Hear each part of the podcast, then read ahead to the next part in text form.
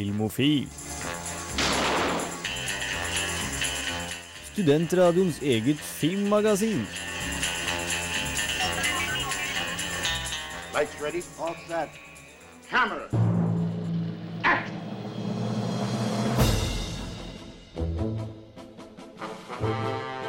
Velkommen, velkommen, velkommen, velkommen, velkommen til nok en deilig torsdag her på eh, Radio Revolt i Trondheim. Du hører på Filmofil, studentradioens eget filmmagasin. Eh, Programmet for deg som elsker film, TV-serier og alt mulig innimellom. Mitt navn er Jens Erik Våler, med meg i studio. Fra venstre, Kristian Wallervann. God dag. God dag. Gaute Eliassen.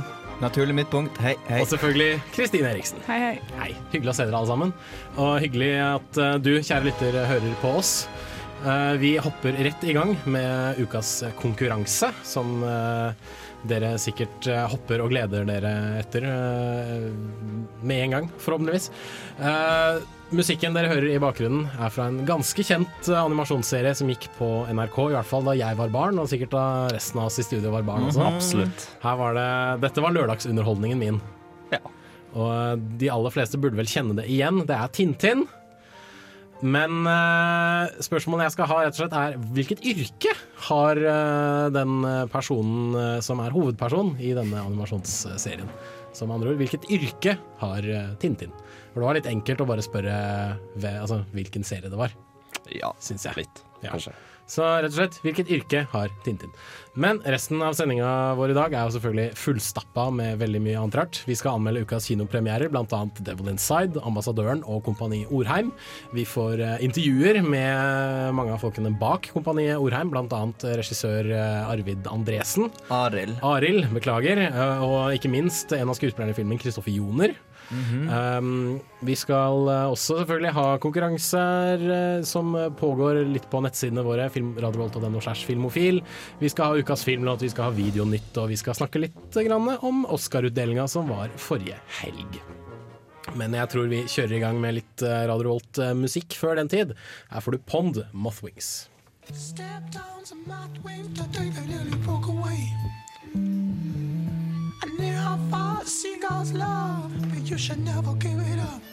Radio Revolt. Der var vi tilbake. Du fikk Pond med Mothwings som sparket i gang ukas eh, Filmofil-sending. Og vi eh, gjør som eh, vanlig, vi, og kjører i gang med filmnyheter. Filmofil gir deg nyhender fra filmen og fjernsynets i spanende vær.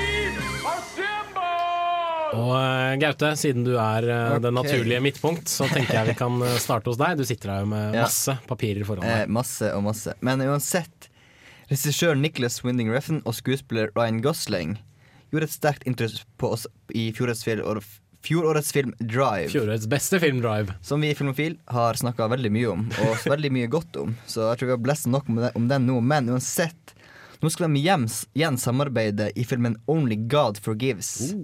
Og den eh, filmen er allerede i produksjon.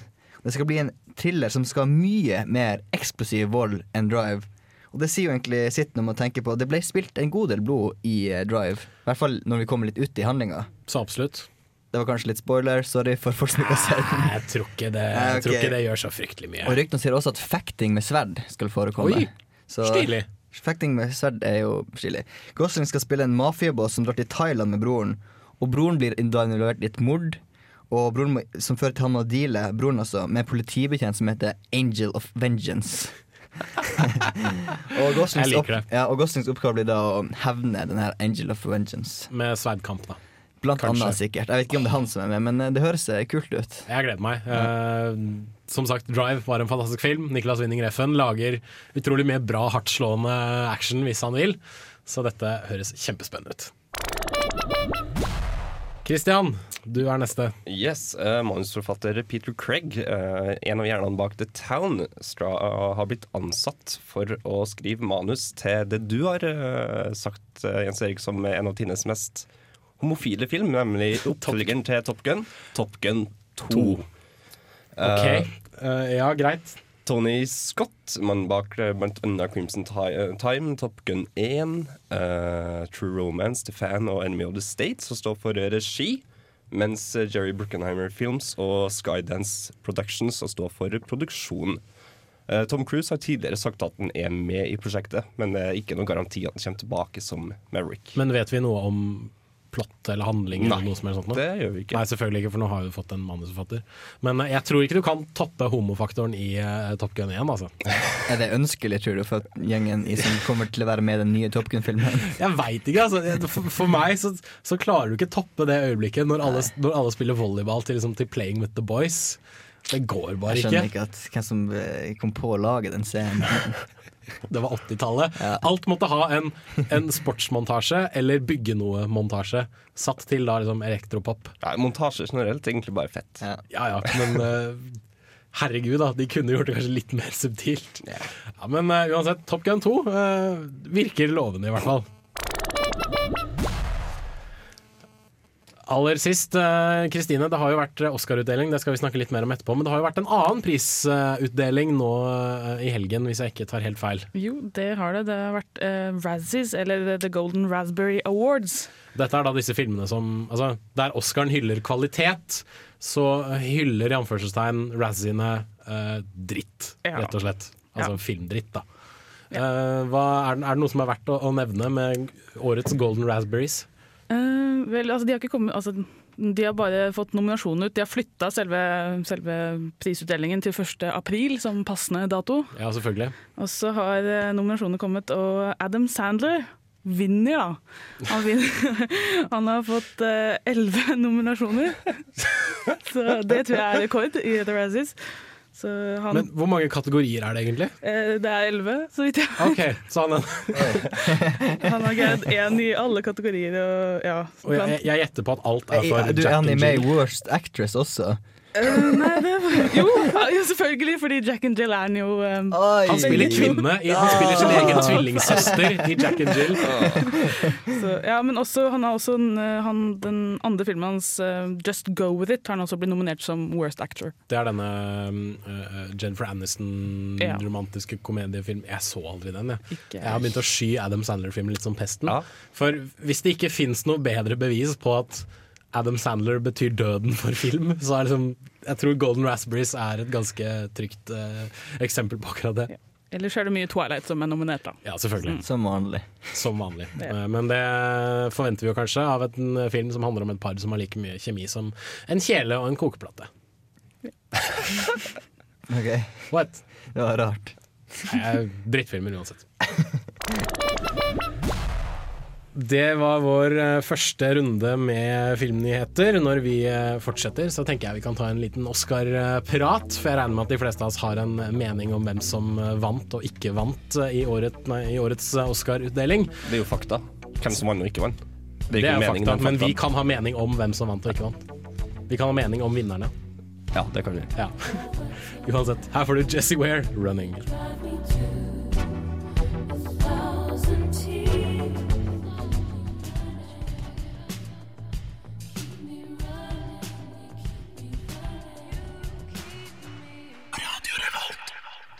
Der var Filmofil tilbake. Du hørte Jesse Ware med 'Running'. Og eh, jeg tenker vi kan ta litt Oscar-diskusjon.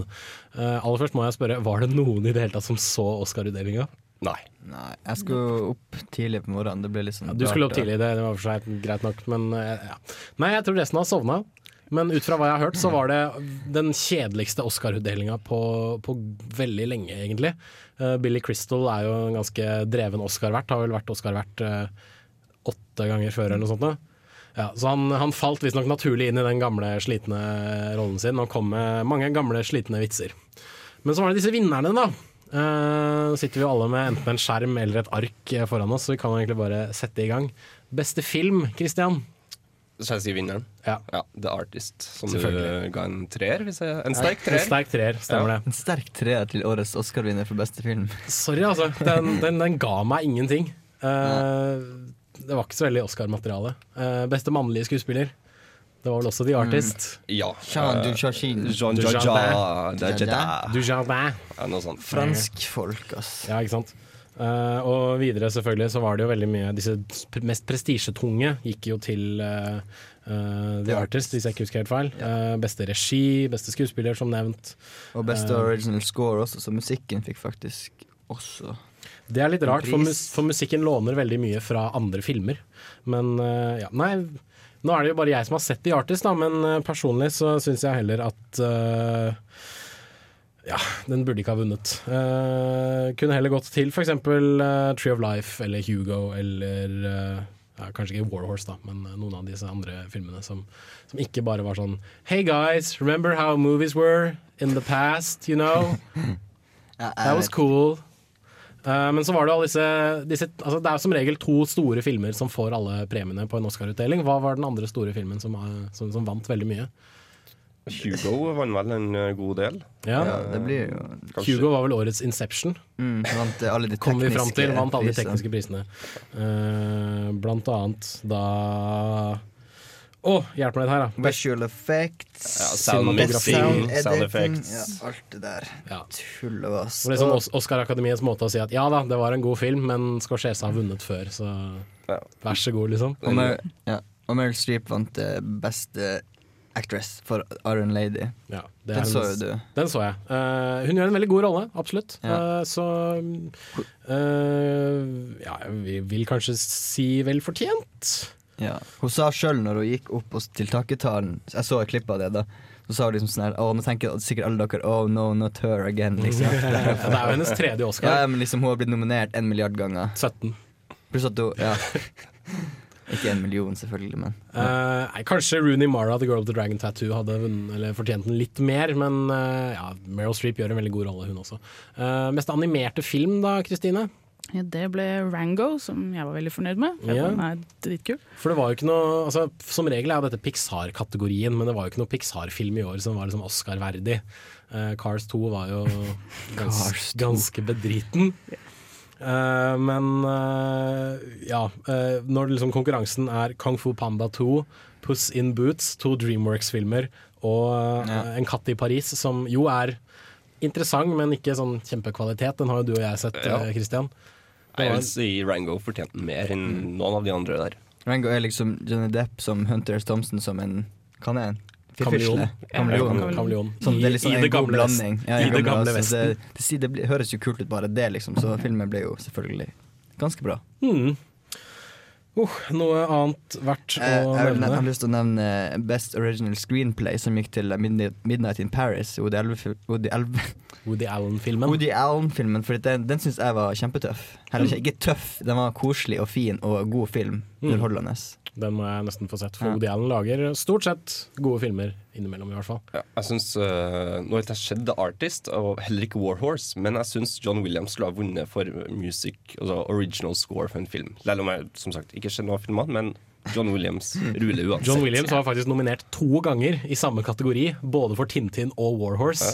Og så taper han mot uh, The Artist, som låner fra alle andre scores gjennom hele filmhistorien. Eh, men det jeg liker veldig godt, er at eh, Man or Muppet fra The Muppets-filmen vant eh, en Oscar for beste originale sang, og nå er da den ene halvdelen av Flight of the Concords en Oscar-vinner. Ja, det er kult. Hvem er Brett? Er det han som Det er, er Brett han, McKenzie. Ja, men er det han som er han liksom, den største karen? Ja, den minste. Han minste, ja. Han er kul. Brett. jeg bare ser det for meg, de er så sykt artig. Ja, ja, det er kjempekult. Men um, nå var det jo bare to sanger som var nominert til beste sang, men eh, allikevel, gratulerer til eh, Muppets. Og gratulerer til alle Oscar- Oscar-vinnerne.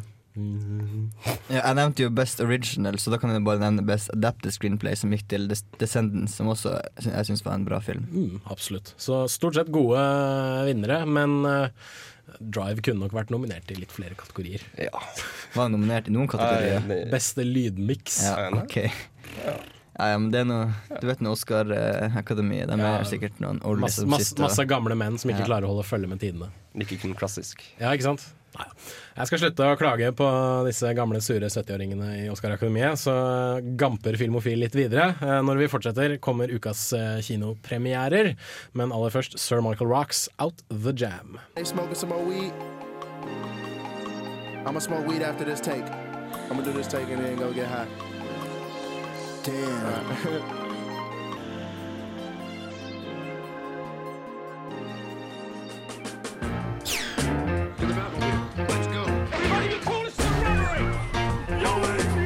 Dette er Filmofil.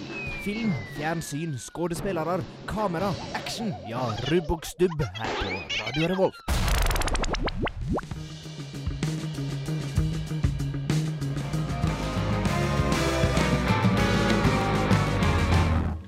Side der, altså. Decode The Glow featuring Stina Stjern på Filmofil på Radio Volt FM 100 og 106,2. Vi har kommet til ukas eh, kinopremiere, vi. Og eh, først ut i eh, anmelderstolen, det er deg det, Christian, med Ambassadøren. Smurf. En politisk satire om en fyr som kjøper en falsk ambassadørtittel. Mm. Noe mer du vil si før vi setter i gang? Uh, det er når jeg ikke sier anmeldelsen, jeg nevner navnet til han Fyren? Ja, Ja. eh, Han går under et annet navn i, i filmen, selvfølgelig. Ja. Han er anonymisert. Ja. ja. og så Han har samme fornavn, men en etternavn. Så. Skjønner. Vi hører hva Christian har å si om ambassadøren. A white European with a reason to travel to a diamond producing country in Africa with diplomatic credentials is a very, very, very valuable piece of kit. You know, in the diplomat world, they say if you're not at the table, you're on the menu. So to to. Ambassadøren, en dokumentar som tar for seg Mats Brygger sitt mål om å bli diplomat i Afrika. Men Mats sitt formål med denne diplomatstatusen er ikke å opprettholde relasjoner eller vennskap.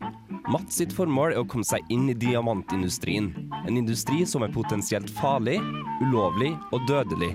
Særlig for en hvit europeisk mann. As a dedicated diplomat, I had no problems with filming my meetings in secret. Les Français ont donné une très mauvaise habitude aux centrafricains, qui est la corruption. So Paul, here's um, 100,000. It'll make him happy. Nothing will be controlled. You will, you will be treated as a diplomat. Som det aller meste kan også en diplomatstatus kjøpes, og det er akkurat det Mats gjør. Når han kommer til Afrika, sløser Mats ingen tid på å komme i kontakt med de rette personene. Mange av dem korrupt og sleip. Store pengesummer brukes til smøring og for å sette opp en fyrstikkfabrikk som brukes som dekke, så at ingen skal bli mistenksom på hans aksjoner.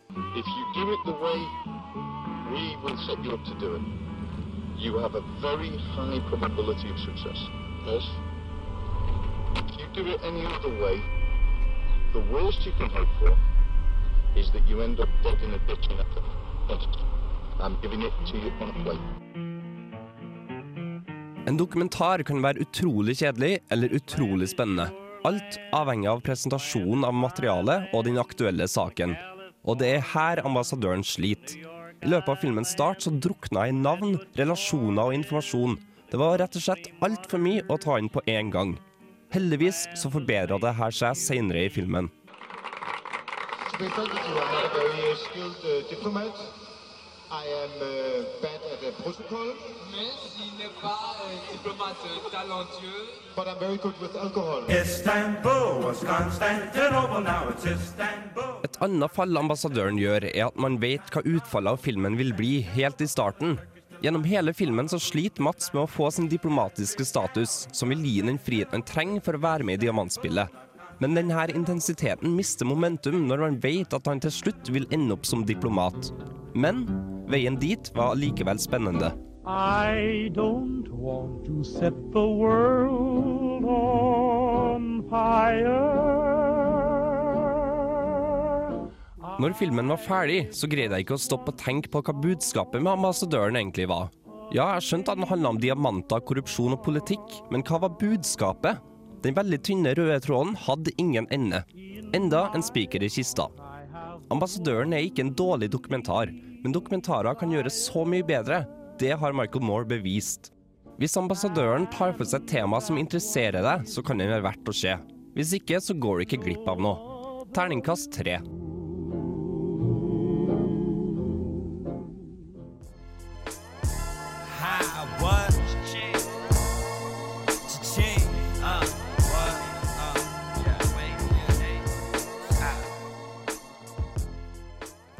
Du fikk eh, Chase and Cash med Wavy Navy her på Filmofil på Radio Revolt FM 100 og 106,2. Og før det hørte du Kristians anmeldelse av filmen 'Ambassadøren', som vi har en konkurranse knyttet eh, til gående på nettsidene våre radiovolt.no. slash filmofil. Eh, Der vi rett og slett spør om eh, hvilken film vant eh, Oscar for beste dokumentar eh, i år. Og da kan du vinne premierebilletter til eh, Ambassadøren, samt et eh, ambassadørkit med litt eh, Med et, eh, blant annet et eh, falskt pass, som ser falskt ut, vil du merke. Eh, litt eh, stilige solbriller og litt eh, ambassadørdollar og diverse andre Er med diamanter òg, eller? Um, det tror jeg faktisk ikke at det er. Ja vel. Men vi går fra dokumentar, eh, en faktisk dokumentar, til en eh, liksom-dokumentar. Eh, Kristine har vært og sett The Devil Inside, nok en skrekkfilm innenfor found footage-sjangeren. South Hartford 911, what is your emergency? Three. Three people. Ma'am, what's the problem? Three people are dead. I killed them. Ma'am. Ma'am. Tror du på djevelen? Nei. Det trenger du absolutt ikke for å like en god eksorsistfilm. Er du en av de som sitter oppe med History-kanalen og ser på dokumentarer om det mystiske, kan det hende pseudodokumentarstilen passer deg. For resten av oss må vi spørre, med en så vrien sjanger blir det vanskelig for The Devil Inside å sette skrekken i oss. When I was about eight years old, my mother murdered three people. she had committed these murders during an exorcism. An exorcism performed on her. Filmen handler om, eller er laget av, en ung jente, Isabella Rossi, som har bestemt seg for å undersøke hva som egentlig skjedde med moren hennes for 20 år siden, da hun drepte to prester og ei nonne. Det viser seg at drapene skjedde under en eksorsisme på moren, og at hun er på behandling ved et mentalsykehus i Roma. Dit drar Isabella ikke bare for å endelig se moren igjen, men også for å dra på eksorsistskole, der hun treffer et par prester som driver med bakromseksorsismer.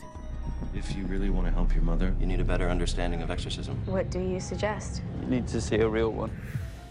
Det at vi har blitt mindre religiøse med årene, tror jeg ikke hindrer folk i det hele tatt i å lage gode eksorsistfilmer. Det at latterlig mange filmer nå til dags bruker pseudodokumentarstilen i skrekkfilmer, betyr heller ikke at den er helt oppbrukt og burde skys som pesten. Og det at The Exorcist sjokkerte en hel verden for snart 40 år siden med en ung jente som skrek at moren din suger kuk i helvete, betyr ikke at vi ikke kan bli sjokkert med lignende type utsagn fra ei gammel kjerring. Eller jo, det betyr faktisk det. Alt sammen. The Devil Inside virker som den er mer opptatt av å følge dokumentarstilen helt ut, enn å skremme oss i det hele tatt. Det blir litt vanskelig når de færreste av oss faktisk tror på demoner. Flere av oss tror nok på spøkelser og romvesener. Det tar altfor lang tid før vi kommer til noe som helst interessant, og jeg satt hele tiden og spurte meg selv hva filmen egentlig ville. Kanskje den egentlig ville utforske selve fenomenet dypere enn en skrekkfilm kunne, men samtidig ville bruke effekter til å gi oss gåsehud. Problemet med denne teorien er at skuespilleren som spiller Isabella, ser like død ut som jeg gjorde 20 minutter ut i filmen. Og hvorfor er det slik med dokumentarskrekkfilmer at de alltid gir kamera til den skuespilleren med den mest ustødige hånda? She said my name. I found four voices on the recordings. What does that mean? Multiple demonic possession. Please help my mother. This isn't consistent with any form of possession that I've ever seen. I'm sorry, Isabella. Just Jeg skal ikke si at jeg aldri skvatt eller fikk litt gåsehud, men hver gang jeg begynte å bli interessert, ble filmen kjedelig igjen. Jeg skal være helt ærlig her og si at det krever mye før jeg blir redd, så det kan hende andre folk har en annen opplevelse, men uansett er det langt mellom eksorsistscenene, og filmen fungerer bedre som en turistvideo av Roma. Det er én ting jeg kan si om denne filmen som jeg faktisk likte. Den har en bra punchline. Ellers er dette en film som skremmer de færreste, og de som synes eksorsismer er både ekle, skumle og fascinerende, anbefaler jeg heller History-kanalen. Terningkast to.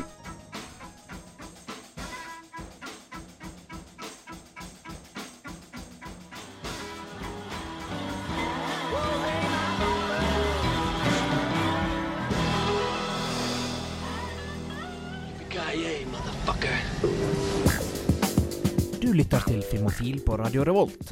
Besøk oss gjerne på våre nettsider på radiorevolt.no filmofil.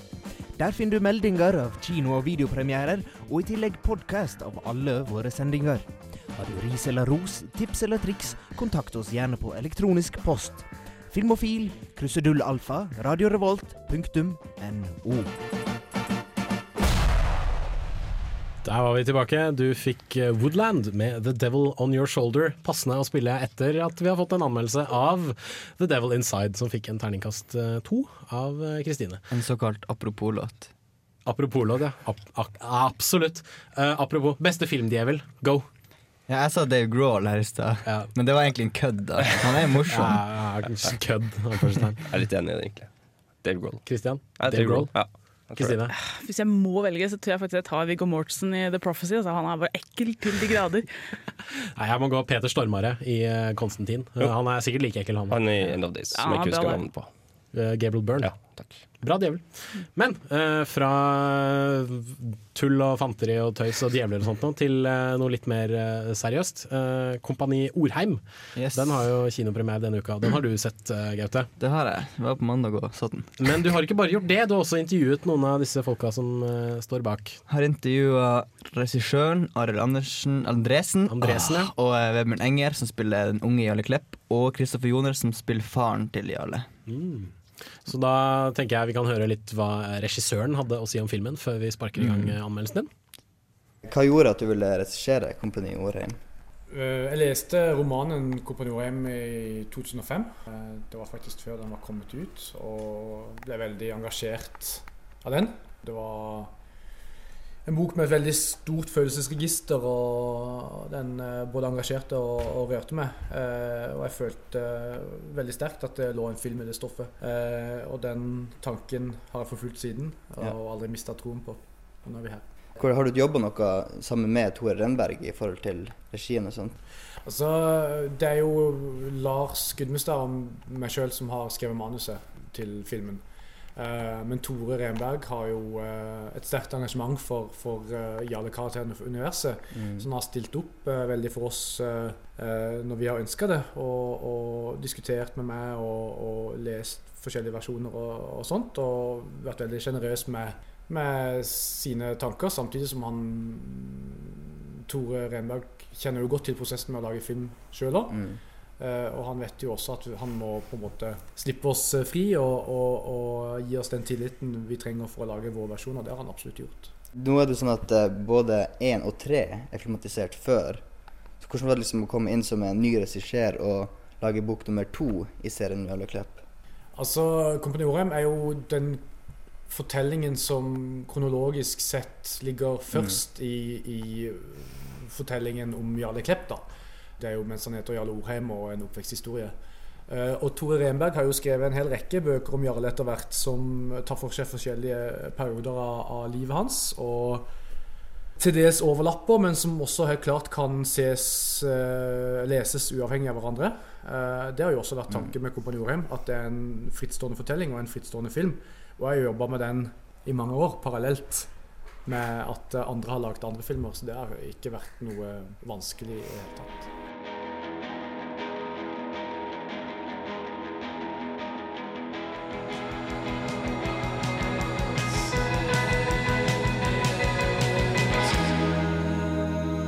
Hei, det her er Josten Pedersen på Radio Revolt. Radio Revolt, 12 points. Tusen eh, takk for det, Jostein Pedersen. Du fikk eh, Beach Fossils med 'Shallow', og du hører på Filmofil på Radio Rolt FM 100 og 106,2. Eh, og eh, Gaute hadde jo intervjuet Ar Ar Arvid. Arild Andersen. Ar Arild Andresen. Andersen. Andresen? Andresen? Ja, faen! For et vanskelig navn han har.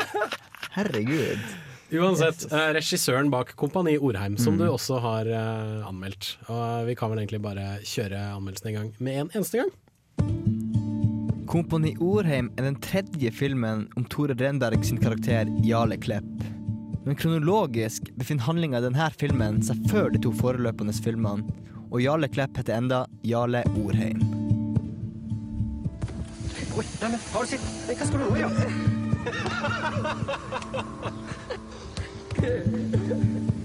OK, gir meg.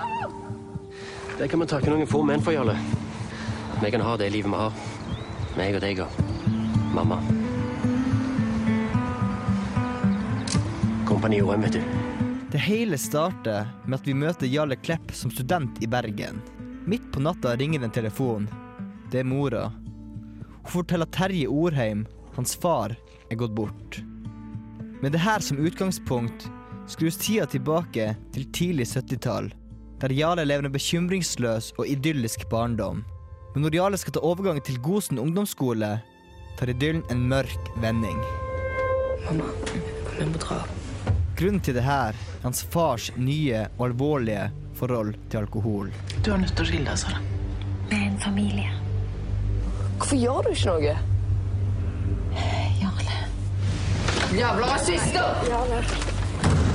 Hva er det? Selv om ting er dårlig hjemme, er Jarle fortsatt i en viktig fase i sin ungdomstid. Han prøver å finne sin egen identitet ved musikk, klær og politikk. Han utvikler en sterk interesse for jenter, og prøver ut litt mer voksne ting, som kaffe og sigaretter. Og etter mye om og men, også alkohol. Altså en ganske vanlig ungdomsskoletilværelse, hvis man ser bort fra problemene i hjemmet. Folk sier at Jarle Orheim har flippa helt ut den siste tida. Så jeg har skjønt deg. Helge Ombo. Vi skal bombes tilbake. Tilbake til steinalderen. Gjør deg klar. Altså, skal jeg stå og stryke skjorte bare fordi jeg er kvinne? Jeg liker å stryke skjorter, jeg. Ja, må ikke alltid gjøre som mamma og pappa sier. Snakk om å bli voksen, vet du. Jeg driter i hva dere sier. Jeg er selvstendig, og jeg er faktisk kommunist. Det her er en oppvekstfilm på alle måter. Men klarer den å skille seg positivt ut fra andre sånne her filmer? Ja.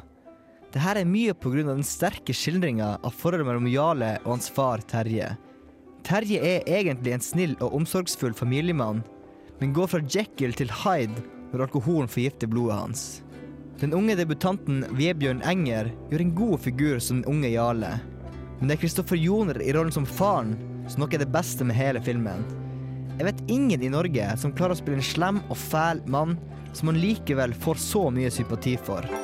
Og det er familiescenene der han og Jarle er involvert, som gjør det her til en bra film. Kom igjen opp!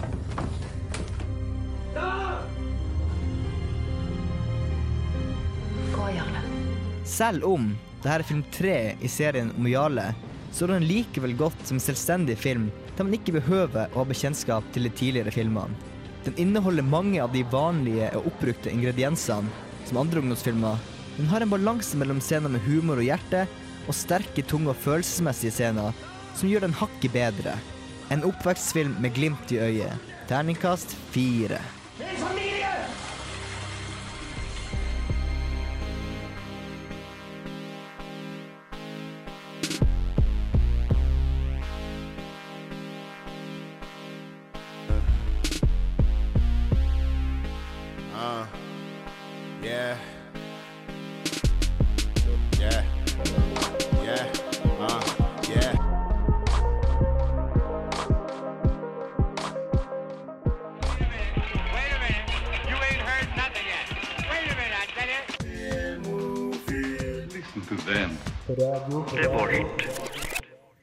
Stemmer, du hører på Filmofil på Radio Volt. Du fikk Flatbush Zombies med Thug Waffle, og før det Gautes anmeldelse av Kompani Orheim, en terningkast fire. En sterk fire, vil jeg legge til. terningkast fire. Uh, men du har jo ikke bare intervjuet filmens regissør, du har jo også intervjuet uh, Vebjørn Enger, som mm. spiller uh, Han spilte en ung Jarle Klepp, var det ikke sånn? Jepp, en ung Jarle Klepp. Yes. Og ikke minst Kristoffer Joner, Mm. Norges svar på Steve Buscemi. Ja, i utseende må det være det, i hvert fall. Ja. Far min sa, jeg sa når jeg hadde intervjua Kristoffer Joner, ja, det er han som ser ut som en narkoman. Ja, det- er han. Han har spilt narkoman også, i de der Tomme tønner-filmene. Mm. Yes, Men uh, skal vi høre hva Vebjørn Enger hadde å si i samtale med Gaute Eliassen. Du har mange likhetstrekk med han eh, Rolf Christian Larsen. Hvorfor, bortsett fra det, endte du opp i rollen som Jarle Klepp? Jeg håper jo jeg eh, framstiller Jarle, figuren Jarle som en fin, på en fin måte, som Mm. folk vil like. da. og sånn. Men jeg stilte bare på audition, og så ordna det seg, liksom. Eh, men Henta du inspirasjon fra Rolf Christian Larsen sin tolkning av Jarle Klepp når du skulle tolke din versjon av Jarle Klepp? Um, nei, jeg, eh, det jeg har, har sett 'Mannselsking elsket Yngve' eh, en gang, og det var da jeg var på kino. og mm. Den husker jeg så vidt, liksom. Under innspilling hadde jeg ikke så mye forhold til filmen, eh, filmene eller bøkene. Tok ikke så mye av Rolf Christian, jeg. Jeg tenkte ikke så mye okay. på det. Men uh, du er jo en veldig ung debutant, da. Men du samtidig får lov til å jobbe med etablerte og erfarne skuespillere som Kristoffer og eh, Cecilie Mosley. Hvordan Ja. har det vært? Det har jo vært veldig lærerikt.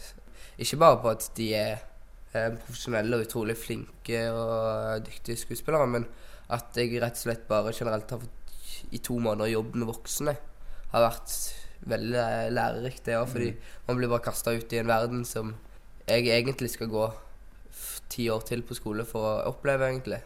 Det har vært veldig gøy, men eh, jeg kjente jo etter hver dag så hvor jeg har opplevd nye situasjoner, nye ting, at jeg var utrolig sliten fordi jeg hadde lyst til å være på like, samme nivå sosialt sett, liksom. At jeg ville jo, jeg ville jo være like smart som de voksne. Jeg ville jo skjønne humoren deres, selv om jeg ikke gjør det. Så jeg måtte alltid strekke meg, da. da jeg kjente at jeg, jeg ble ganske sliten av det, men eh, det var veldig gøy. Hvordan ser du på din framtid videre som eventuelt skuespiller? Ja, det vet jeg egentlig ingenting om akkurat nå. Der hørte du Gautes intervju med Vebjørn Enger. Uh, Virka som en veldig oppvakt uh, ung ja. fyr. Veldig oppvakt fyr til å være 14 år. Ikke ordentlig koselig gutt. Hva tror du om eh, skuespillerkarrieren uh, framover? Tror du den Jeg var meget positivt overraska over eh, hans figur som Jarle, som jeg nevnte i anmeldelsen min også. Så han, eh, absolutt, hvis han har lyst, så ser det ut som han burde satse litt. Stilig, stilig.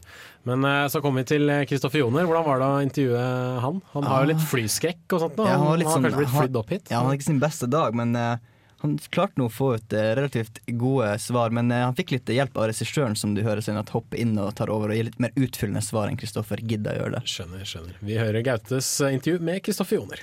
Hadde noen spesielle ting som du gjorde for å forberede deg til rollen som Terje? Ehm, ikke utenom at vi Altså, vi hadde lange samtaler og sånne ting som det, men, men òg at uh, Arild ville at jeg skulle få Hva skal jeg si vi la oss i hardtrening. Jeg la på meg uh, noen kilo og trente og fikk gjort det på den måten der. Ja, Vi var interessert i å, å endre den fysiske fremtoningen din litt, for å liksom la, la Kristoffer møte Terje. Ja. Vi prata også ganske mye om hvordan du snakket, eller hvordan Terje snakket, rett og slett. Ja, der var, Mm. der var du ganske tydelig på hvordan vi skulle gjøre det. Hva gjorde at du ville ha rollen som Terje? Hva skal jeg si? Eh, for det første så er vi jo venner. Vi- Meg og Arild kjenner jo hverandre. Dette manuset kanskje eh, Det ble litt spesielt for meg. Okay. Det var litt personlig, og det var litt, eh, det var litt sånn, ja. Jørgen Langhild har spilt faren til eh, Jarle Klepp før deg. Dere var veldig forskjellige roller som far, vil jeg si. Det eneste jeg har forholdt meg til, er Arild sitt eh, manus. Og Terje Orheim har jo en mye mer fremtredende rolle i, i Kompani Orheim. Og det var helt naturlig for oss å på en måte begynne fra scratch og, og finne ut av hvem Terje Orheim var, og hva som driver han, da.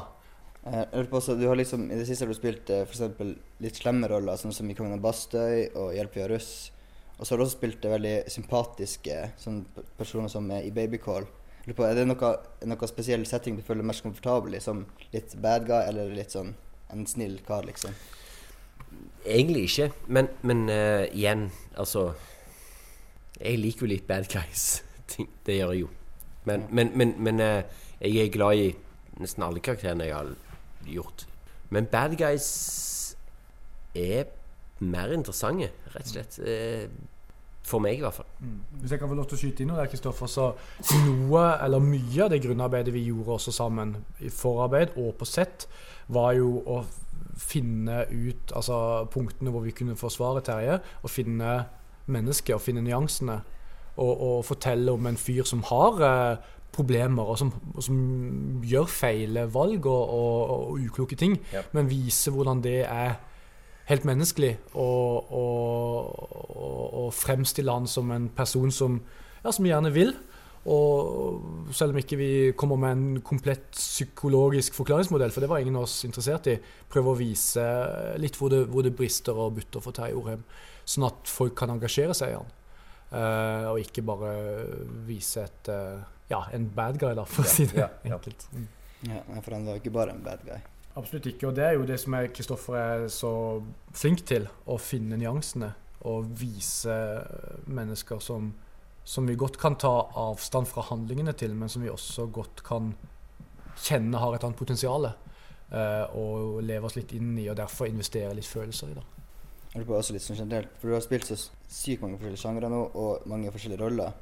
Eh, hva som er avgjørende for at du skal takke ja til en rolle?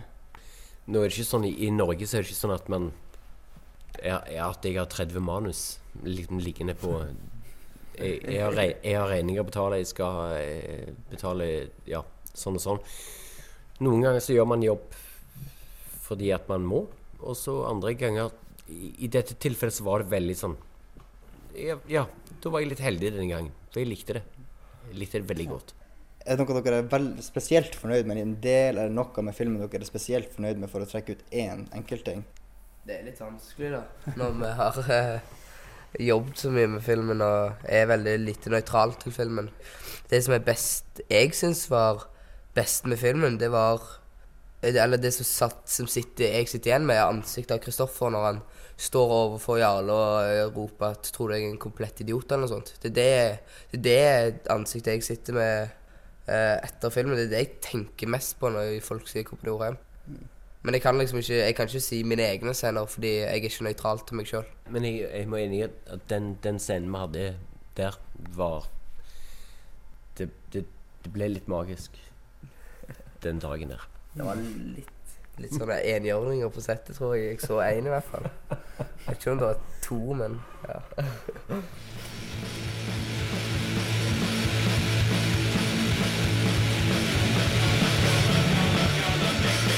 Play it once, Sam. Det er jo alltid å ha musikk når den er påtent. Helst noe indisk eller pakistansk. Ukas filmlåt. Det stemmer. Vi skal til ukas filmlåt her på Filmofil. Eh, Men aller først, eh, du hørte Terry Maltz med 'Norses' etter eh, Gaute sitt meget gode intervju med Kristoffer Joner, som ja, absolutt. Eh, norske Christopher Walken, vil jeg si, tar visse roller for å betale regninger. Ærlig kar. Yes, eh, Du skal få snakke litt mer, du, Gaute, for det er du som har tatt med deg eh, ukas filmlåt eh, denne uka. Det er det. Og en av hovedgrunnene til at jeg faktisk tok med den låta, er for tida, det er litt personlig, da, så har jeg dilla som faen på fransk visemusikk. Av en eller annen grunn. Og så vil jeg også nevne som en liten side note at uh, Mel Mel Melanie Laurent, Ja. det vet jeg, hun som spiller uh, den fine dama i, Soshana i, i, Inglourious Bastards, mm. hun driver også og lager musikk som er veldig bra. Men, Men det er ikke hun vi skal høre noe fra nå? nei, men det var nå. på grunn av hun jeg fant denne musikken. Og det her er musikk fra filmen 500 Days of Summer. Og, um, Meget god romantisk ja. komedie, vil jeg påstå. Og, ja, en veldig god film. Jeg er enig. Og um, det her er fra en scene de sitter i bilen og diskuterer litt. Uh, han spør eksempel sånn What are we doing? Så bare, for han har liksom lyst til å Hva er det her forholdet for noe? Men hun er sånn der oh, We're having fun. Og bare sånn, du vet hun er litt sånn Praten, i anførselstegn. Ok, og I bakgrunnen så er det da den her franske visa av hun, eh, Carla Bruni. Jeg skal ikke prøve å uttale navnet på den, men eh, Er dette den samme Carla Bruni som er uh, gift med Nicolas Sarkozy, i, den franske presidenten? Det er det. Hun er en liten sånn eh, fransk sjøga som har vært på mye politikere, høye stillinger, rockestjerne, Så. Men jeg tror hun har settla nå i 44 år, faktisk. Er det lov å kalle uh, Frankrikes førstedame for en skjøge? jeg vet ikke, men jeg, jeg, hun hører mest sannsynligvis ikke på Filmofil, og kan mest sannsynligvis ikke norsk. Men eh, ja, veldig, veldig. Jeg syns det er en skikkelig fin låt. Det er en perle, vil jeg si. at den er Vanvittig fin låt. Ukas filmlåt er eh, Nå skal jeg prøve meg på å uttale Quelqu'un Nei, Kelkun Madi fra Carla Bruni fra filmen 500 Days of Summer.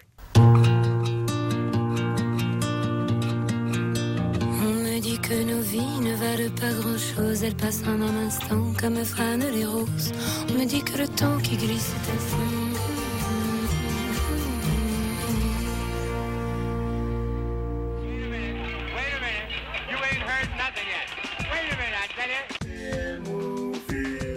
to. Nydelig ukas eh, filmlåt der, eh, Gaute. Carla Bruni med Quelqu'un Madi. Yeah. Yes! Klarte det. Som someone told me. Oh, hm, godt å vite. Men uh, jo, 500 Days of Summer er ute på Blu-ray og DVD nå for en god stund siden. Og det er en veldig bra overgang til Videonytt.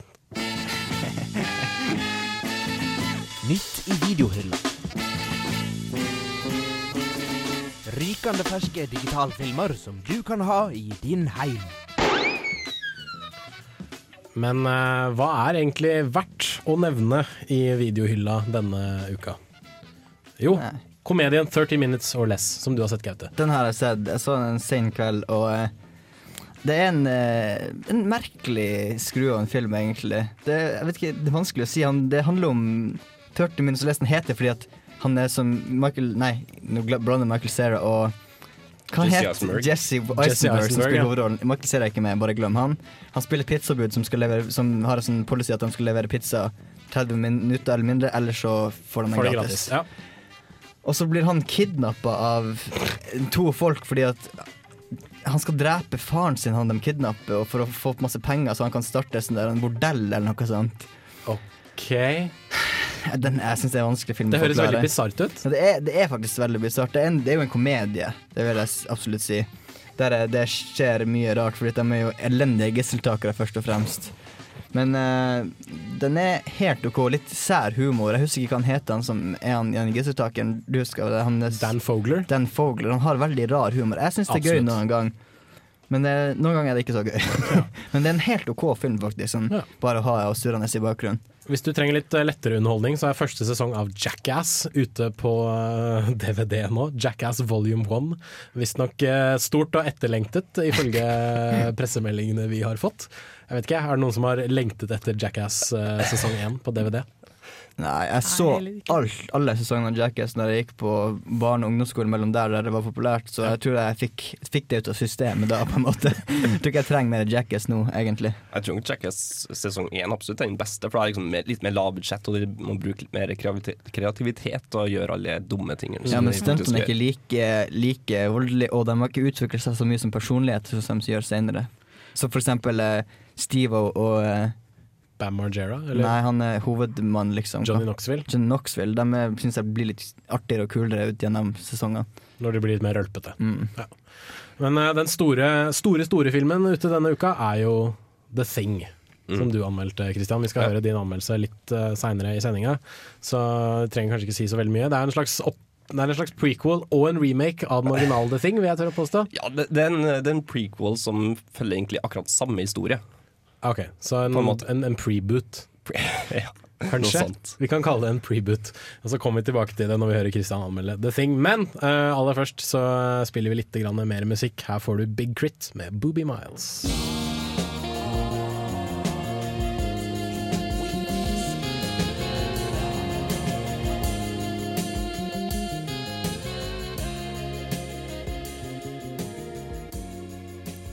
Booby Miles der altså, av Big Crit. Eh, Sjelfull hiphop eh, fader sakte, men sikkert ut på Filmofil på Radio Volt, Hvor vi snakker litt om eh, ting som er ute på Blu-ray og DVD denne uka. Før du går videre til The Thing, så vil jeg også si at Beavis and Butted, eh, en del eh, Beavis and Butted-filmer er ute. Så jeg har sett uh, Beavis and Butted i America. Er, Beavis and Butted har kommet tilbake, har det faktisk. det? Det, Det har- har det. det har har kommet tilbake en ny Beavis and Butted-sesong Ja, okay. i USA. Eh, men fra Beavis and Butted og rølpehumor til eh, remaken av The Thing, som Christian anmeldte da den hadde premiere i 2011.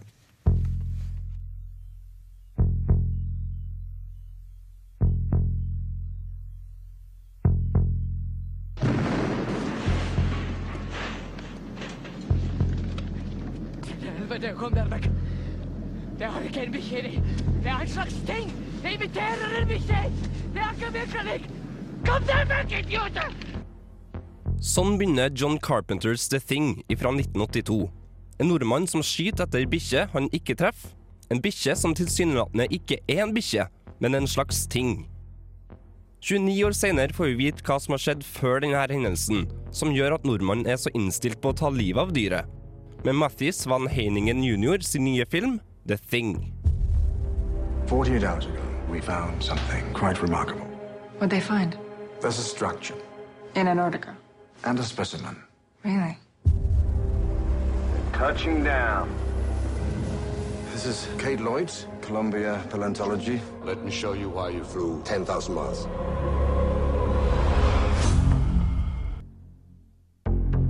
I 1982 finner en gruppe norske forskere et romvesen begravd i isen på Antarktis. Nordmennene får hjelp fra et amerikansk forskningslag for å studere funnet. Når tingen våkner til live på basen, og forskerne finner ut at romvesenet kan imitere andre livsformer, sprer det seg frykt, klaustrofobi og mistillit. Ingen vet hvem som er menneske eller ting.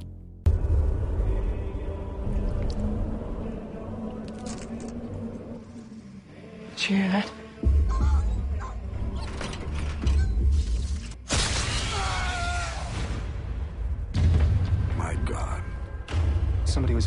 But it seems everyone is fine. Either someone miraculously healed themselves, or someone is not who they say they are.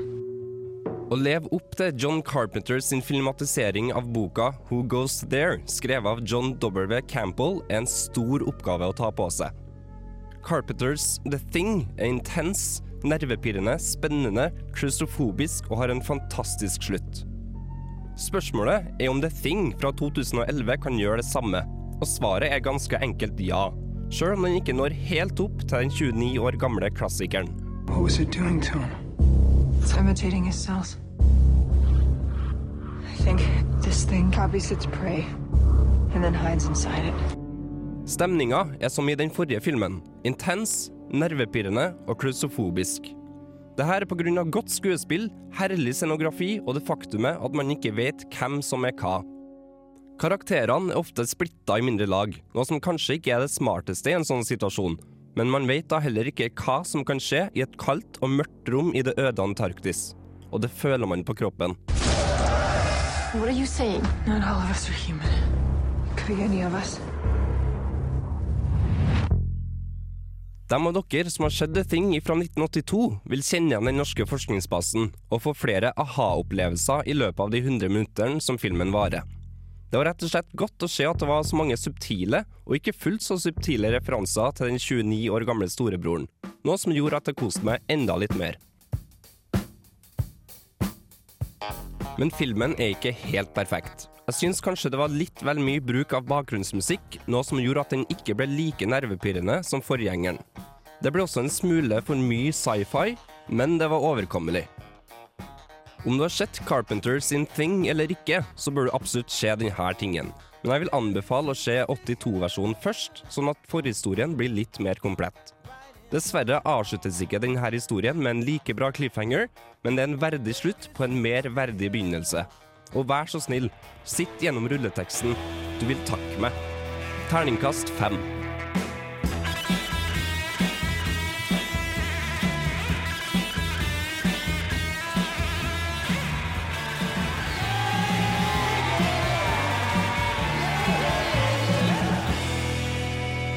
Filmofil? Jeg er ikke filmofil. Du hørte Night Beats, Puppet on a String eh, der, og eh, selvfølgelig Christian Valerand sin anmeldelse av The Thing fra 2011. En anmeldelse jeg er uenig i for øvrig. Ja, du har sagt det veldig mange ganger. Ja, men eh, jeg skal Det er ikke, greit, jeg du skal få lov til å være jeg skal, uenig. Jeg skal ikke harpe mer på det. Fra, fra sci-fi til tegneserier, for uh, filmen Justice League Doom dumpa ned i postkassa mi for et par dager siden. Den kommer faktisk på DVD og Blu-ray på internett denne uka, altså på play.com og Amazon og alle disse fantastiske stedene der. Den har jeg tatt og laget en liten anmeldelse av. You each have a personal vendetta against the Justice League. Their deaths would serve my goals. Etter å ha gjort det stort med animasjonsserier om Batman, Supermann og resten av The Justice League, bestemte DC Comics og Warner Brothers Animation seg i 2007 for å adaptere ulike tegneseriehistorier med sine mest populære helter til animasjonsfilm. Den 13. av disse filmene er Justice League Doom, basert på en av mine personlige favoritthistorier fra DC-universet. Mark Wades Tower of Babel. You $100 million after you destroy the Justice League. Take them down. Batmans datamaskin har blitt utsatt for et hackerangrep, og det viser seg at Batman har laget beredskapsplaner for alle medlemmene i Justice League, i tilfelle de noen gang bruker kreftene sine i de ondes tjeneste. Vandal Savage og hans Legion of Doom stjeler planene og iverksetter dem slik at Justice League settes ut av spill lenge nok til at Legion of Doom kan, som alltid, ta over verden. If you people can't see the potential danger of an out of control Justice League, I don't belong here. Akkurat som de tidligere filmene under banneret DC Universe Animated Original Movies, er dette en langt mørkere tegnefilm enn det de fleste av oss kanskje er vant til. Her utsettes våre helter for både fysisk og psykisk tortur, og noen ganger er det direkte ubehagelig å se på, f.eks. når The Flash tvinges til aldri å slutte å løpe pga. bomben festet til håndleddet hans. Men sammenlignet med originalverket er nok straffen hver enkelt medlem av JLA utsettes for noe tam, men fortsatt effektiv nok til å sette en støkk i meg. Men kan vi være så snill å finne på noe mer originalt enn å skyte Supermann med en kryptonittkule? Det var gammelt nytt for flere år siden. Say goodnight, Ace. Savage has foolproof plans for how we can destroy them. Kryptonite bullet. Justice League Doom er nok en film som passer best for eksisterende fans av DCs animerte filmer, noe som gjenspeiles i rollelisten. Nerder som meg fryder seg sikkert over at Kevin Conroy og Tim Daly gjentar rollene sine som Batman og Supermann, men for den gjengse seer betyr nok disse navnene veldig lite. Heldigvis gjør ikke dette noe, for filmene bygges alltid rundt kjente figurer, ikke kjente skuespillere. Kjennere av godt stemmeskuespill kan også plukke ut Michael Rosenbaum som The Flash, Nathan Fillion som Green Lantern, Phil Morris som Vandal Savage og Susan Eisenberg som Wonder Woman. Selv om de er godt vant med rollene sine, ligger de ikke på latsiden av den grunn, og gjør rett på de ikoniske rollene de har blitt tildelt. Listen, you must get everyone away from me. You're all in grave danger. I want you guys to get out of here as quickly as you can. Follow the light. Filmens korte spilletid gjør dog at jeg rynker litt på nesen. Dette er nok en av de få gangene jeg klager på at en film er for kort. Med bare 77 minutter spilletid vies det litt for mye tid til hvordan våre helter blir satt ut av spill, men altfor lite tid til hvordan skurkene bekjempes. Det føles litt som om manusforfatterne trakk løsningen rett ut av løse luften fordi de trengte en måte å ordne sekundærkonflikten i filmen på. Men er du fan av god animasjon og liker stilfull superhelt-action, så kan Justice League Doom være et ganske OK tidsfyll. Godt stemmeskuespill og en hard, mørk tone gjør opp for et noe hullete plott og mangel på skikkelig dybde. Terningkast fire.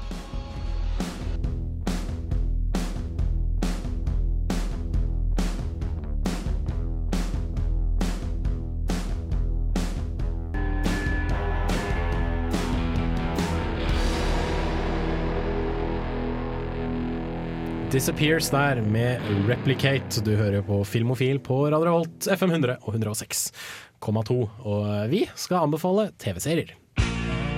Hei! Hei! Det er ikke 90s sitcom-flashback. Ta og Skru på noe annet. Ja, bedre, men prøv igjen. Der, ja! Filmofil presenterer ukas serie. Og uh, ukas serie er det du som har tatt med deg, uh, Christian. Ja, i dag har jeg tatt med meg en av de seriene som jeg aldri blir lei av. Ja vel. Eh, nemlig en serie som heter Generation Kill fra 2008. En eh, HBO-serie. Åh, Og da det- vet man med- dette er kvalitet. Ja, det vet man med en gang når man eh, hører at det er HBO. Er det noen av dere andre som har sett Generation Kill? Nope. Hva? Uff, det må Det vi er gjøre bra noe at med. 50% av folkene her har sett det. da. Det er jo greit. Før jeg sier så mye mer om serien, så skal jeg si litt om bakgrunnshistorien. For i 2003 så var reporter Evan Wright med eh, First Reconnaissance Battalion under invasjonen i Irak. Og etter det så skrev han en bok med samme navn, altså Generation Kill. Og så laga han sammen med David Simmons og Ed Burns, som er hjernene bak serien The Wire, adopsjonen til se serie, da. Altså Generation Kill-serien. Eh, serien da tar jo for seg First Rec Reconnaissance Bataljonen. Um, alle karakterene i serien er basert på ekte personer, så det er ekte navn og alt det der. disse er US Marines-folk. Ja, det er US Marines. Uh, og før jeg sier så mye mer, så du få høre et klipp. Uh, det er en av de mange, mange bra dialogene i, eh, i serien, så jeg tror jeg bare får høre med en gang.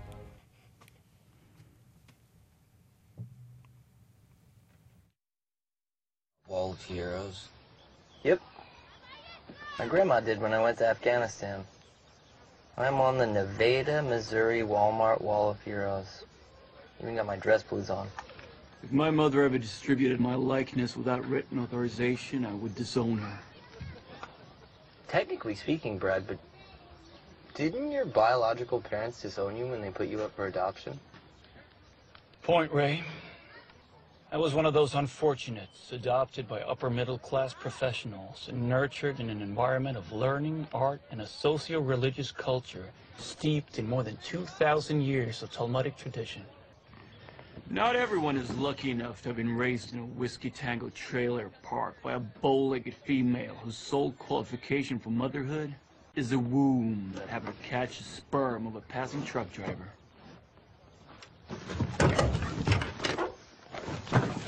At least my mom took me to NASCAR. ok, det er harde ord her, altså. Det er veldig harde ord. Dæven Um, steike, altså. man har, serien har på en måte fire hovedpersoner, selv om man har også mange andre sentrale karakterer. Du har um, Brad Iceman Colbert, som er teamleder. Det var en av de vi hørte. Ja, det var han som snakka om uh, womb og motherhood og alt det der. Og så har du Ray Pearson, som er um, kjøreren deres. Og han, uh, han som hadde uh, trailer trash. eh, Trailer Trash Mom. Mm. Og så har du uh, James Tromby, som er en veldig ung kar som egentlig virker som man er bare for å få lov til å drepe et eller annet. Hmm. Helst uh, menneske, da, ifølge han. Og så har du reporteren, da, Evan Wright, um, som uh, kjører sammen med de. Hva er det som gjør akkurat denne serien så, så veldig spesiell? Altså, Er det dialogen à la disse scenene her, eller er det Ja, det er en veldig sånn, brutal realitet på serien. Den kan på enkelte måter sammenlignes med Band of Brothers i det at du har den derre brorskapen eh, mellom karakterene. Men det er ikke så mye fokus på liksom, krigen, det er mer fokus på eh, På dem som personer. Ja, men eh, det er også det som gjør serien god, er all fuck-upen som de høyere autoritetene da gjør. Og det, liksom, det, det skaper mange bisarre situasjoner at det, det er ikke til å tro at det faktisk kan gjøres sånn. Jeg er egentlig ganske enig der, for altså, jeg har jo gjennomført førstegangstjenesten sjøl. Og selv om mine hva skal jeg si, overordnede ikke dreit seg ut like kraftig som de i Generation Kill Mm. gjør, så kan man fortsatt kjenne seg igjen i dette liksom, kjipe byråkratier, da, hvor de helt øverst er veldig ambisiøse og veldig, veldig på at et eller annet skal gjennomføres. Mens de da som faktisk må gjennomføre dette her, innser at ja, men faen, går vi jo bort dit, så blir vi jo drept. Ja. Det, det er veldig sånn fordi de, de lederne er veldig sånn Ja, vi vil ha et nytt oppdrag, og vi vil ha status, og vi vil være først dit, og alt det der. Og de tenker ikke liksom på, på andre sitt liv. På og, de små gutta som faktisk ja, må skyte. Ja. Um, og serien får deg ve- veldig mye til å le, uh, men det er etterfulgt av litt skam, for du ler av liksom rasistiske vitser, de gjør narr av kultur og alt sånt, men det er veldig morsomt, da. uh, på en veldig skam, skamfull måte, for å si det sånn. Så Generation Kill anbefales på det varmeste. Det, dette er vel ute på noe Blu-ray og DVD nå? Ja, det, har det vel vært en stund? Det har det absolutt. Så jeg plukket opp med en gang. Det er vel ikke en spesielt lang serie heller? Det er vel bare en, Sju episoder. er. Sju episoder Mm, på ca. cirka lengde. Time hver, ish. Er det bare sju episoder hele serien? Ja, så det er en sånn Uh, Ja, sånn som Banner Brothers. Jævlig bra sju episoder. Ja, men det, jeg syns det er bra, for da kan jeg liksom ikke kjappe å vie med hele min eh, framtid liksom, for å se 17 sesonger. No, noe som bør nevnes med denne serien, er at eh, det kommer med en interaktiv eh, slags oppslagsbok. For det blir slengt så mange militære ord og uttrykk og forkortelser i trynet ditt som du ikke klarer å holde styr på. Så da er det en sånn egen sånn knapp da, til, eh, som de har gitt uh, fjernkontrollen din, sånn at du kan uh, sjekke hva de ulike forkortelsene betyr, og hva de ulike militærnavnene er, altså hva de står for. Og jeg tror det er absolutt hjelpsomt, for selv om jeg har gjort førstegangstjenesten, så hadde jeg ikke en anelse om hva noe av det de gutta sa faktisk betydde. Jeg kan også slenge på det at jeg så sånn ekstra materiale eh, av serien uh, der de intervjuer de faktiske personene da, som var der. Og de sier liksom at, eh, at serien er så Den er så nær virkeligheten at de, de, blir, liksom, de blir redd, rett og slett. At det, det kunne være så, så nært. Som det var. Fantastisk. Så ja, plukk det opp med en gang. Generation Kill er altså ukas serieanbefaling her på Filmofil. Vi uh, ruller videre og skal trekke et par konkurranser, uh, men først etter at vi har hørt Sheefy McFly med Hillfigure.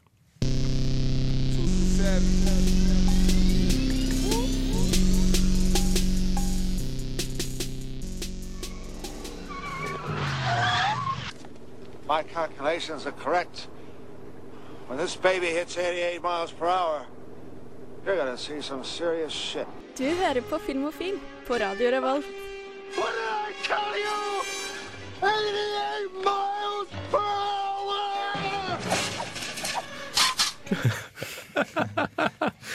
Eh, jeg har hatt det gøy i dag, jeg. Laget nye jingler og greier. Det var morsomt. Du hører på Filmofil. Du uh, fikk uh, Ja, hvem var det du fikk igjen? Uh, kan, kan du flytte skjermen litt opp, tekniker?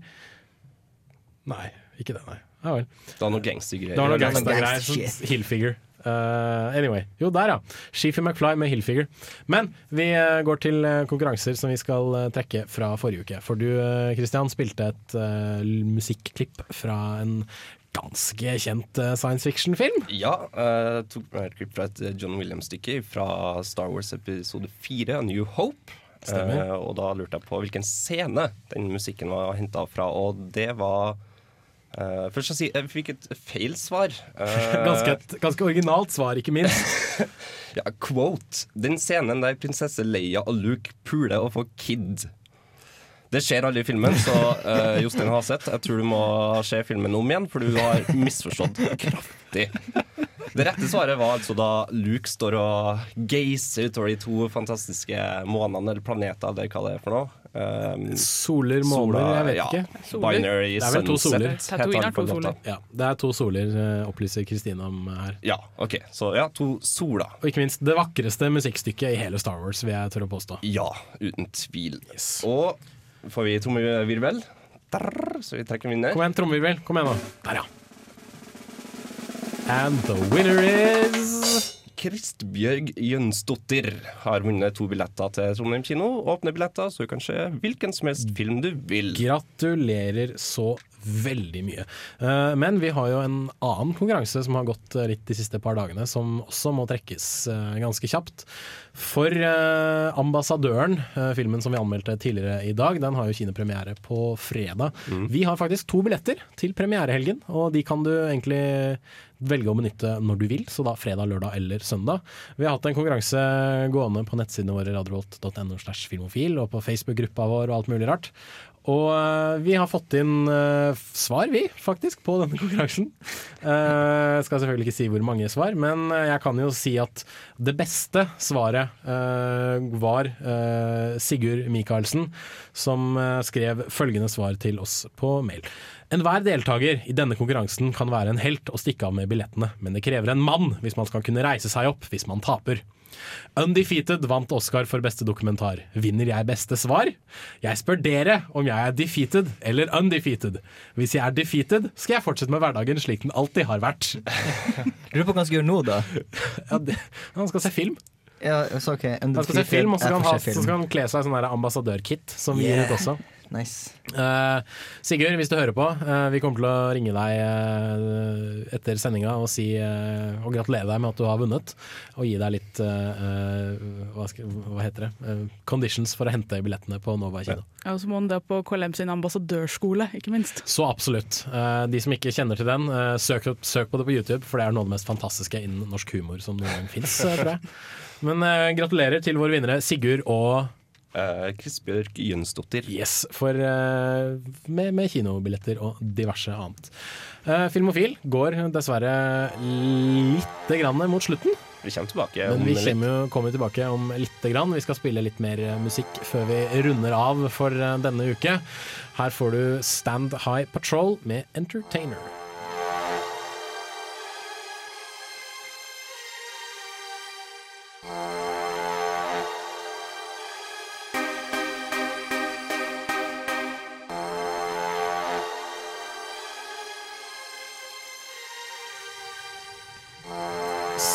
High Patrol der med Entertainer på Filmofil på Radio Revolt FM 106,2. Som dessverre går eh, mot eh, slutten, men det har jo vært en ganske stappa sending i dag, eh, vil jeg tørre å påstå. Mye futt, mye morsomt, mye trøkk, mye gøy. Yes, Godt oppsummert, Gaute. Vi kan jo starte med ukas anmeldelser. Ambassadøren fikk en terningkast Tre. tre Mm. fra Christian Wallervann. The Devil Inside fikk en terningkast uh, To. av En svak eh.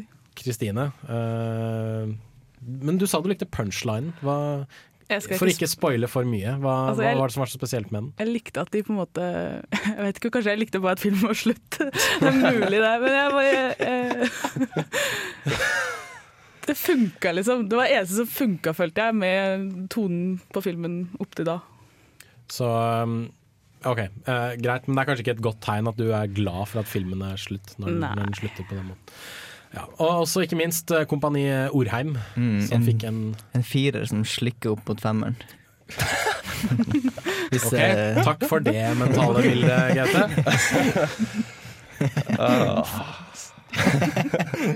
Vi klarer ikke å unngå disse der kroppsanalogier for hver eneste Nei, jeg syns det er nødvendig. Ja, tydeligvis. Skal, vi, skal vi prøve å gjøre det til en regel at vi prøver å nevne ordet penis i løpet av hver eneste sending? Ja, eller, eller lignende. Eller lignende. Ja, Jeg er glad at jeg ble med i Filmofil. Altså. Guttebastion, velkommen. Ah, um, yes, The Thing ute på Blu-ray og DVD denne uka. Eh, jeg gjorde en kjapp anmeldelse av Justice League Doom. Er du glad i tegneserier og tegneserievold og alt mulig sånne ting, så skaff deg, kjøp den på play.com eller Amazon eller Sedon eller whatever. Uh, ukas serieanbefaling var eh, Generation Kill. Mm. En jævlig fet uh, militærdramaserie fra HBO. Kan vel ikke kalle det et action? Nei, det er ikke så mye action inn. Det er litt, men nei, drama, action-ish. Ikke er det med mye humor. Er det mye humor i den? Ja. For ut av det klippet så synes, hørtes det jævlig morsomt ut. Altså, ja, alle dialoger og sånt er, er veldig mye morsomt, men som sagt, du, du ler skamfullt. Hmm. Skamfull latter der, altså, i Generation Kill. Uh, Gaute hadde også intervjuet Kristoffer Joner, uh, Arild Andresen. Yes.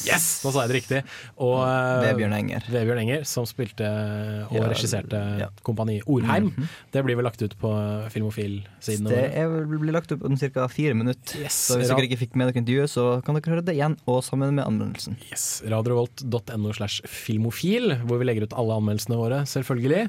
Uh, Facebook-sida vår er filmo- facebook.com slash filmofil. Der linker vi også til anmeldelsene våre, selvfølgelig. Uh, ellers Podkast kan lastes ned på radiorevolt.no slash podkast. Der har vi også en stream on demand-tjeneste, hvor du kan høre på alle programmene våre med musikk, altså i sin helhet. For vi er jo så glad i denne Radio Revolt-musikken eh, som vi stadig spiller. Etter oss kommer Illustrert eh, vitenskap. De skal sikkert snakke om kuldedøden. Hvem vet? Igjen? Ja, hvorfor ikke? Jeg syns, Sunny alltid snakker om kuldedøden. Ja, kanskje. Men uh, noe med at han ikke får tak i NTNUs ekspertpanel eller noe sånt. Jeg vet ikke. Mitt navn har vært Jens Erik Voller. Med meg i studio har vært Kristian Wallermann. Gaute Eliassen. Yeah, her er jeg. Kristine Eriksen. Takk til tekniker Kjersti Anderdal Bakken, som har gjort en fantastisk jobb bak eh, spakene. Vi hørs eh, om en ukes tid, og husk på til eh, neste gang There is no spoon. The late night shift, rolling up like this. Got a flashback of Roy's, the vice for this boy.